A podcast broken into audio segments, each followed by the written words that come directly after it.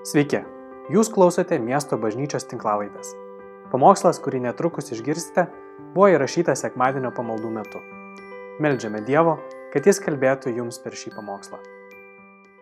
Šiandien užbaigsim pamokslų ciklą susitikimą su savimi. Ir e, mes kai pradėjom čia filmuoti, tai išrinkom vieną dalį mūsų pastato nam, bendruomenės namų, kurie dar nesuremontuoti iki galo, yra tokių kampelių. Ir kai pradėjom, va čia sudėliom gėlytes, kažkas iš mūsų komandos pasakė, žiūrėkit, sukulentas pražydo. Ir mintis tokia, kad mes darėm tose griuvėsiuose, kad Dievas labai gražius dalykus kūrė. Ir na, man tai gėlės dažniausiai numiršta, aš jų nematau, užmirštų palaistyti, bet čia taip gražu nieks nelaistė, man atrodo, ir mum pražydo. Tai toks nei didelis stebuklas, bet toks gražus labai ženklas, kad iš tikrųjų yra jėga, galybė tokia Dievo, kuri nu, kuria gyvybę ir mumise, kaip Dievo kūriniuose, irgi atsiskleidžia labai gražus dalykai, nes Dievo dvasia atėjo į mūsų gyvenimą ir atkuria tai, kas yra sugriauta. Ir viešpatis nori, na, nulupti mūsų tos sluoksnius, tas apsauginės tokias personas, kurias susikūrėm. Ir kai pradėjau šitą pamokslų ciklą, mintis buvo tokia, kad Dievas nori išmokyti mus pamatyti save taip, kaip Jis mus mato, nes tame yra didysis perkeitimas. Aš suprantu teologiškai, kad Jėzus mirdamas ant kryžiaus mus atpirko. Mes niekada nebūsim išgelbėti savo darbais, nebūsim niekada neįtiksim Dievui vien tik per darbus. Jis nepriima mūsų remdamasis mūsų teisumo, šventumo darbais ir panašiai. Bet mes dažnai taip suprantam net krikščionybę, kad turim užsitarnauti, nes taip esame pratę gyventi. O Dievas mus nori išmokyti, jog mes priimdami save, gražų ir bjaurų, išgyvename Dievo gailestingumą ir tik tada atrandam tą tikrą ryšį su Dievu be jokio apsimetinėjimo ir tikrą bendrumą su juo. Taigi šiandien kaip paskutinė dalis tema priimk save, kaip Kristus priima tave. Dovydas 139 psalmė jisai sako, viešpatie, tu matai, kada aš keliuosi, kada einu miegoti, tu matai mano mintis, kol aš dar nieko nesugalvojau, dar žodis nebuvo ištartas, tu jau žinai, ką aš pasakysiu, šitas pažinimas man yra nuostabus. Ir jis sako, Dievas žino kiekvieną mintį, kiekvieną žodį, aš negaliu nuo tavęs pasislėpti, nei ar eičiau į dangų ar į pragarą, tu esi ten. Ir pabaigoje jis sako, ištirk mane, pažink mano mintis, pamatyk mano kelius ir vesk mane takom žinuoju, tuo teisumo taku.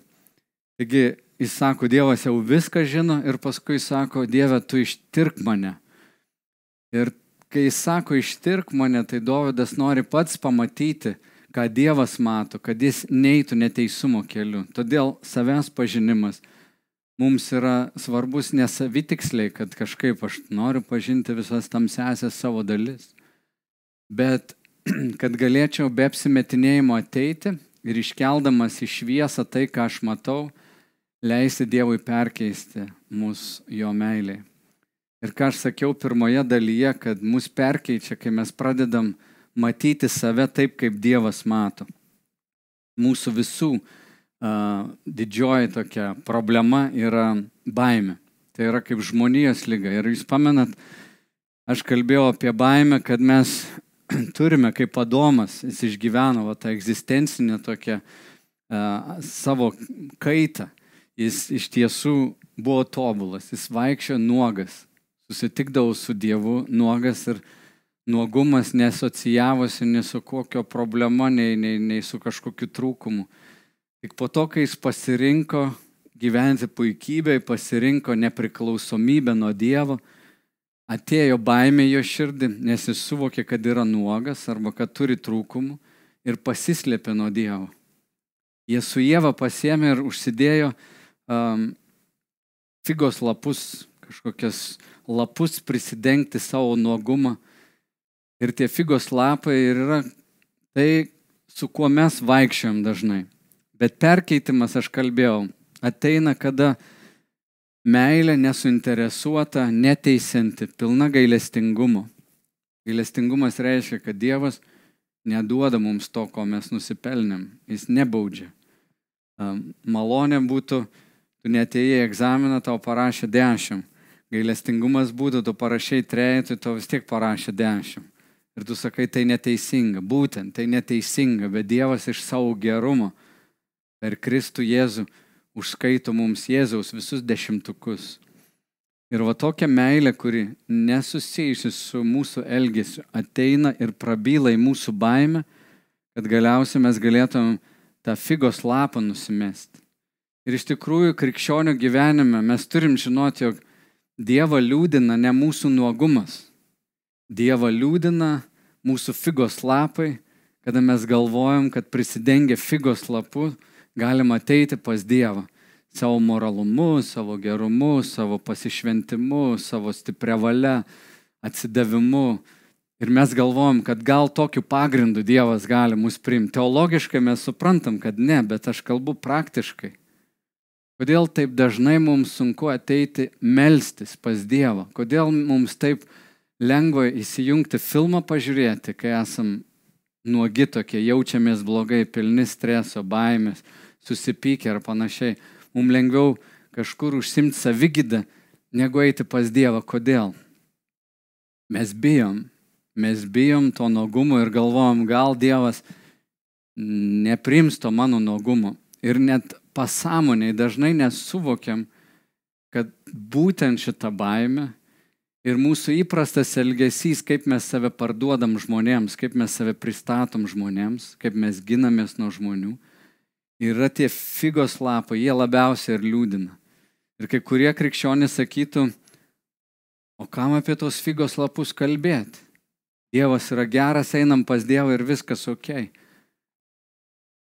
Toks ignoravimas, kad aš turiu kažkokius trūkumus, jis visiškai nepadeda mums šventėjimo kelyje, nes šventėjimas yra susijęs su tuo, kad mes per atgailą apsinuoginam, nusimam tos figos lapus ir ateinam tokie pas Dievą. Dievas savo meiliai mus gydo. Meilėje nėra baimės, nes tobulą meilę išvėja baimė. Baimė yra kančia. Ir kas bijo, tas nėra tobulas meilėje. Gi Dievas ateina su savo meile ir jis išvaro baimę. Jis kaip meilė atėjęs išgydo mūsų baimės. Ir krikščionis, kuris patyrė taip giliai Dievo meilę. Net aš nekalbu apie vienkartinį tokį išgyvenimą, kad Dievas atėjo savo buvimu, atskleidė, mano akis atvėrė ir aš išgyvenau Dievo meilę kaip bangas. Kartais pagauna mus tokia ekstazė, kartais šventoji dvasia mus įveda į tos ypatingus patyrimus. Aš kalbu apie tai, kad tai tampa mūsų kasdienybė, jog mes vaikštome Dievo meilėje ir tos mūsų strategijos, kaip mes save giname, tas drivas, ta, ta energija, kurią mes bandom įtikti kitiems, pasiekti tikslų ir pasijusti mylimi arba verti, tai yra nuginkluojama. Tai tavo ta energija, mūsų ta kūniška gale yra patraukta ir mes Dievo meilės išgydyti esam ir iš tos meilės mes pradedam kurti ir tarnauti. Bet labai dažnai tikėjimo kelionėje mes tarnaujame Dievui net ne iš klusnumo, net ne iš meilės, bet iš savo, savo jėgos, savo kūniškumo. Netgi aukoje gali būti daug nuosavos valios. Ir ką Dievas nori padaryti, yra nuimti vat, nuo mūsų šitą naugumą tą gėdą, kad mes būtum Kristume aprengti, tai taptų mūsų tapatybė, bet žinotumėm, kad kol esam kūne, tas apsauginis sluoksnis, tos senos strategijos, jos mus kankins, jos, jos vis tiek mus vargins, tas senasis aš tarsi prilipęs, jis yra nukryžiuotas, bet jis vis reiškėsi mumise. Mums reikia Kristaus gailestingumo.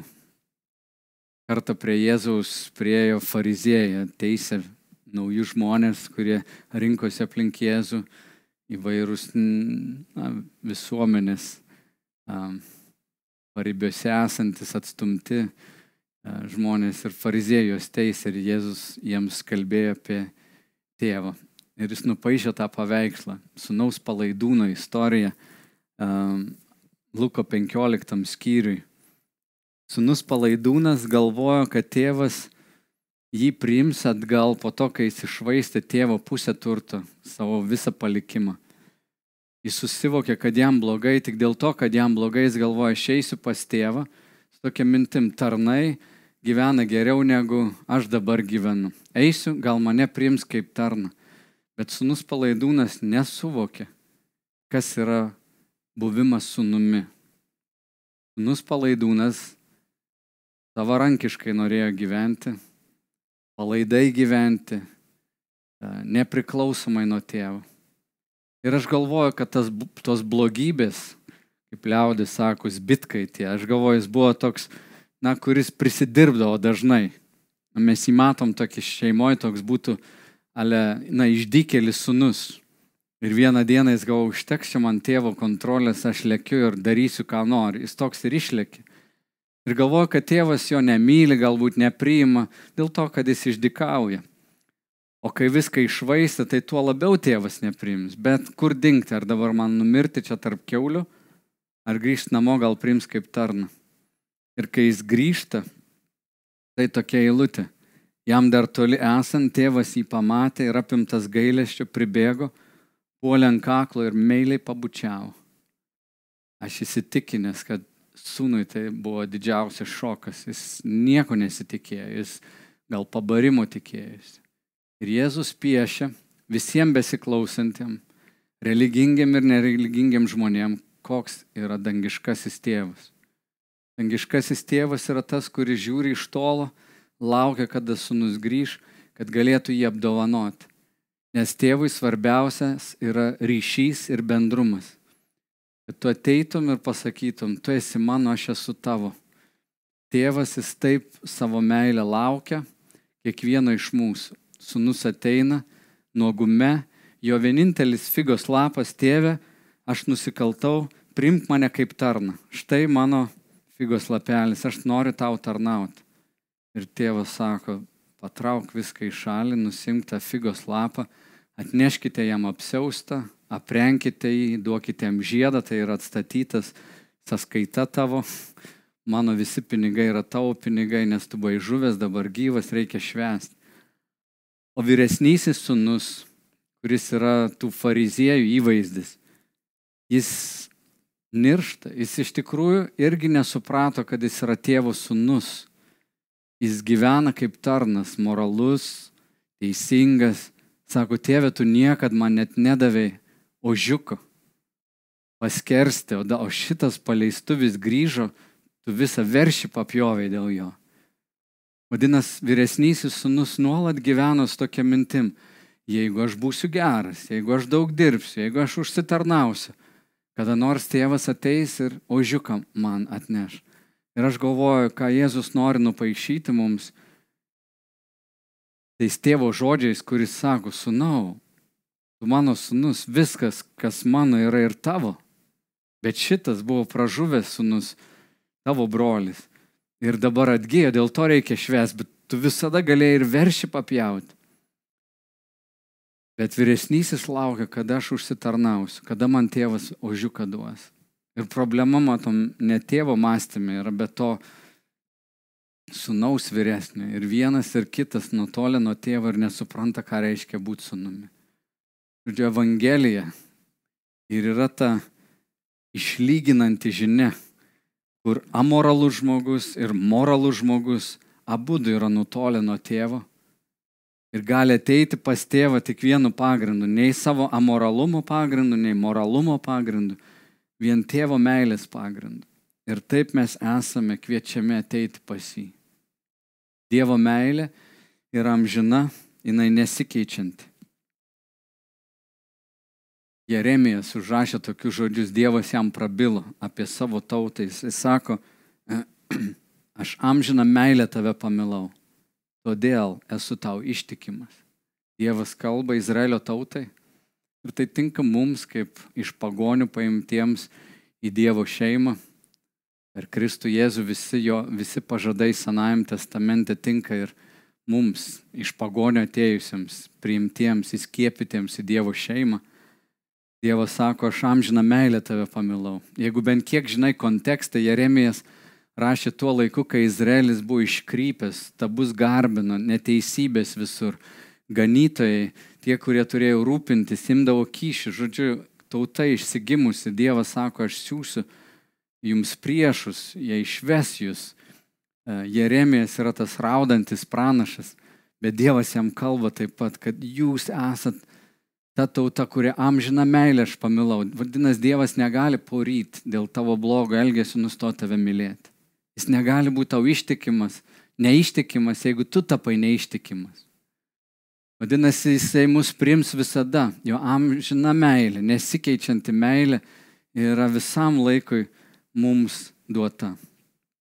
Žiūrėkit dar stipriau, ką Jėzus meldžiasi Jono Evangelijoje 17 skyriuje, sako, aš juose ir tu manyje, kad jie pasiektų tobulą vienybę ir pasaulis pažintų, jog tu mane siuntė ir pamilai juos taip, kaip myli mane. Klausyk, tu pamilai juos taip, kaip myli mane. Tu, tėve, pamilai Petrą, Joną, Jokūbą, Tomą. Juos pamilai taip, kaip tu myli mane. Jėzus tobulas, jie netobuli. Dievo meilė yra tokia pat Jėzui, tokia pat tau. Jo meilė niekada nebuvo matuojama. Ar tu būsi geras, ar tu būsi blogas. Ir labiausiai, kas tėvą liūdina, yra kai mes savo blogumą bandom savo jėgomis kažkaip pakeisti bandom save patobulinti, pagerinti savo jėgomis, tai neįmanoma. Vienintelį, ką mes galim padaryti, tai pažvelgti į save, pamatyti, kas tie mūsų figos lapai ir juos nusimti. Nes kol tu jų nematai, tu negali jų ir nusimti. O jeigu galvoji, kad jų nėra, tai tau atrodo viskas ok. Tos kelios dalis, kai aš kalbėjau apie enneagramą, enneagramą yra tas akiniai, tas žvilgsnis, suvokti, kokia strategija, kokie tie figos lapai yra ant mūsų. Tai yra bendra žmogiška patirtis. Ar tu paimtum šiandien indą, ar iranietį, ar korejietį, ar eskimą iš Kanados šiaurės, nesvarbu, tu paimtum žmonės, tu pamatytum, kad visi žmonės yra panašus. Ir kai studijuoji žmonės, kai tu matai, kas juose veikia, tai ta baime, kuri yra mumise kiekviename, jinai pasireiškia skirtingais būdais, skirtingom strategijom. Štai kodėl, manau, yra svarbu pažinti, atpažinti, kad nesinaudotumėm sąmoningai ar nesąmoningai figos lapais eidami prie Dievo. Žmogų galim apgauti, prisidengti, Ir visada tie figos lapai kažkur jie maišysis mūsų gyvenime. Bet mums mažėti, kad Kristus didėtų, reiškia, kad tais figos lapais mes mažiau naudojamės ir leidžiam Dievui gydyti mus, perkeisti. Taigi visas tikslas šito susitikimo su savimi, kad mes nebesislėptumėm. Klausimas yra, kaip nebesislėpti pirmas žingsnis į, krikščionišką va, tą šventėjimą yra nuspręs, kad aš negaliu slėptis daugiau. Tie, kurie sako, na nereiktų apie save nieko studijuoti, man klausimas būtų toks, kodėl tiek daug žmonių skelbia Kristų, kalba apie Kristų, bet tiek mažai iš mūsų esam panašus į jį. Kodėl galime bažnyčią vaikščioti, E, atrodo daug kažką daryti, o šeimoje visi mato, kad niekas nepasikeitė. Čia didžiausia tokia, atrodo, turėtų būti mūsų, ne, nesakyčiau, gėda, bet toks tiesos pripažinimas, kad kažkas ne taip, mes gyvenam toliau, panašesnė esame į savo tėvus ir į jų praeitį negu į Kristų, į kurį mus nori perkeisti šventoji dvasia. Kaip mums nebesislėpti? Nesutelkti dėmesį į trūkumus, mes žvelgiam į Kristų, kad pamatytumėm, kaip jis žiūri į mus. Ir kai jis žiūri į mus ir sako, tu esi naujas manyje, aš tave myliu, aš tave priimu, mums nebereikia pasislėpti už tų savo sluoksnių. Taigi, priimk tris Dievo tiesas ir dovanas tokias. Pirmas dalykas, leisk jam parodyti tave. Aš apie tai kalbėjau, apie tą kontemplatyvų gyvenimą, kada tu sustoji refleksijai, tu sustoji tokiam buvimui. Nekalbėjimui daug Dievo akivaizdoje, bet buvimui. E, išmokti būti, išmokti paleisti yra labai labai svarbu. Aš kalbėjau truputėlį ir asmeniškai, mat, mano būdas, ar ne, aš, aš turiu vertinimą kiekvienos dienos, aš uh, turiu vertinimą ir kiekvieno žmogaus, aš turiu tą vidinį kritiką, vat, mano figos lapai, aš kuriu geresnį pasaulį, aš esu tas perfekcionistas, norintis pakeisti, idealistas. Aš įsivaizduoju kažkaip pasaulį, aš įsivaizduoju kiekvieną ir žmogų, kaip jis turėtų atrodyti, koks jis turėtų būti ir manytas noras keisti, daryti įtaką. O tai yra mano figos lapai, aš taip suprantu, aš turiu tą nuolatinį tokį vidinį graužulį viduje, mano būtyje, kad aš turėčiau būti geresnis negu esu. O čia mano figos lapas. Ką reiškia leisti Dievui man parodyti mane? Kai aš leidžiu Dievui parodyti mane, aš prisipažįstu ir jums, ir savo, va, mano sužeidimas, man dėl to gėda. Aš sužeidžiu žmonės kartais, aš kartais negatyviai kalbu, kartais pareikalauju per daug, kartais net neišsakau aiškiai, ko aš norėčiau, bet tai yra mano iliuzija. Vat mano, mano sužeistumas, jisai vat, tą energiją taip projektuoja ant žmonių. Ir uh, Prieš kelias dienas aš atėjau į ofisą ir tiesiog sakau, Dieve, noriu tiesiog būti tavo akivaizdoje. Padedu savo planą, kaip šitą dieną turėtų atrodyti, kokia tobula diena turėtų būti, ką aš turėčiau nuveikti, kad nereiktų man graužti savęs dėl to, ko aš nepadariau, kiek e-mailų neatsakiau, kam nepaskambinau. Ir manytas nuolat yra toks, tą turėčiau padaryti, tą, tą, tą, tą, kiti, jūs to, turit kitus savo, savo kitas problemas, bet mano tie figos lapai būti geresniu. Bet kai aš pasiduodu ir sakau, Dieve, turiu kažkiek to laiko, bet būsiu tiesiog tavo akivaizdai. Aš atsipalaiduoju, nustoju kažkaip save vertinti tuo momentu. Ateina tokia ramybė, iš tos ramybės pradeda kilti kitas veiksmas, pilnas ramumo tokio susitaikymo su tuo, kas yra. Suprantu, kad viskas yra Dievo rankose, ateina lengvumas. Kaip, kaip ženklas, kad yra viskas ok tavo gyvenime, bus džiaugsmas, ramybė, meilė, tie dalykai, kad Dievo vaisius dvasius pradeda reikštis ir tu, au, viskas yra lengva. Aš nenešu savo naštų, aš nešu Jėzaus naštą. Jeigu Dievas duos man kažką šiandien padaryti, aš tai padarysiu. Ir aš atsipalaidavęs einu. Ir aš sakau, Dieve, tu man parodyk, jis man parodo, kur aš susikūriau savo tą iliuzinę dieną, kokia jinai turėtų būti. Antra dovana, aš sakau, e, leisk man primti save. Ir tavo patarimas, leis Dievui tave pamokyti, kaip primti save. O primti susijęs su pasitikėjimu, kad aš esu Dievo mylimas, Aš neturiu nei Dievui kažką įrodyti, nei savo, nei kitiems. Um, aš esu tiesiog tokioj būsenai ir galiu atsipalaiduoti. Ir Dievas moko mane, rodydamas savo žodį, kaip Jis mane myli, e, kaip Jis mane priima. Jis man rodo, kad Jis neuždeda man jokių reikalavimų didesnių Ir aš dėl to galiu būti atsipalaidavęs. O trečias dalykas - leis tada jam naudoti tave, koks esi. Dievas naudoja netobulus žmonės. Tau niekada nereiks įrodyti Dievui savo tinkamumą, jis pats nuspręs, kaip tave panaudoti. Tame yra tokia laisvė.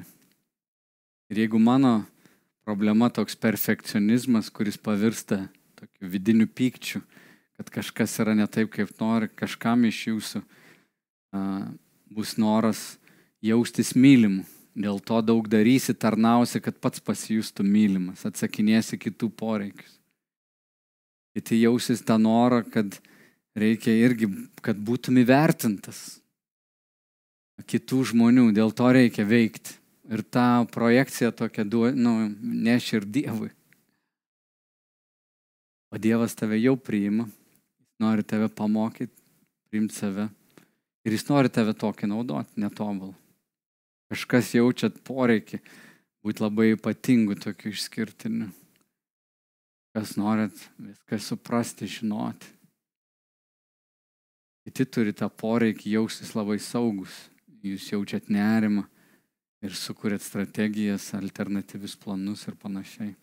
Mes visi turim savo tos figos lapus. Dievas mato keurai ir aš noriu paraginti mus ateiti pas Dievą tokie, kokie esame. Ir Dievas tą mūsų sužeistumą, tą mūsų silpnumą pavers kažkuo labai gražiu. Jis iš griuvėsių padaro labai gražius šedevrus. Jis, kaip Izaijas sako, jisai vietoj liūdėsio duos džiaugsmo lėjaus, vietoj griuvėsių jisai ir pavers visą tai žydinčiais sodais. Tas savęs pažinimas nėra vardant to, kad aš žinočiau, koks aš esu, vat, kokius turiu ten gražias savybės ir panašiai. Visas tas susitikimas su savimi yra skirtas tam, kad mes būtumėm perkeisti Dievo meilės, atrastumėm tą polsį, ramybę jame, džiaugsmą, galėtumėm atsipalaiduoti ir būti Dievo naudojami tame sužeistume. Ir aš viliuosi, kad šis pamokslų ciklas jums pasitarnavo, kad jis drąsina jūs eiti, kai jausitės labai blogai, nuogi, mm, susitepę, prisidirbę. Žinokit, kad tėvas jūsų laukia. Tėvas taip laukia, kaip sunaus palaidūno. Jis iš toli nori jūs pamatyti, jis iš nori pribėgti, nori apsikabinti ir meiliai, meiliai pabučiuoti. Toks yra mūsų dangiškasis tėvas. Viešpatė mano malda už mus visus, kad neturėtum niekada kitokio paveikslo.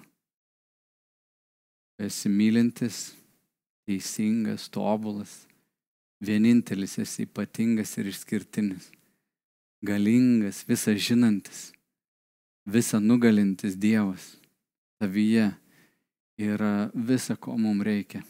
Tėve, leisk mums pažinti savo sužeistumą, kad būtum išgydyti ir kad tas sužeistumas nebeturėtų galės, kad mes būtumėm visi bendruomenė, kuri neapsimetinėja, kurioje vienas kitam galim su meile kalbėti tiesą, būtumėm perkeisti ir kad mūsų gyvenimai liudytų tave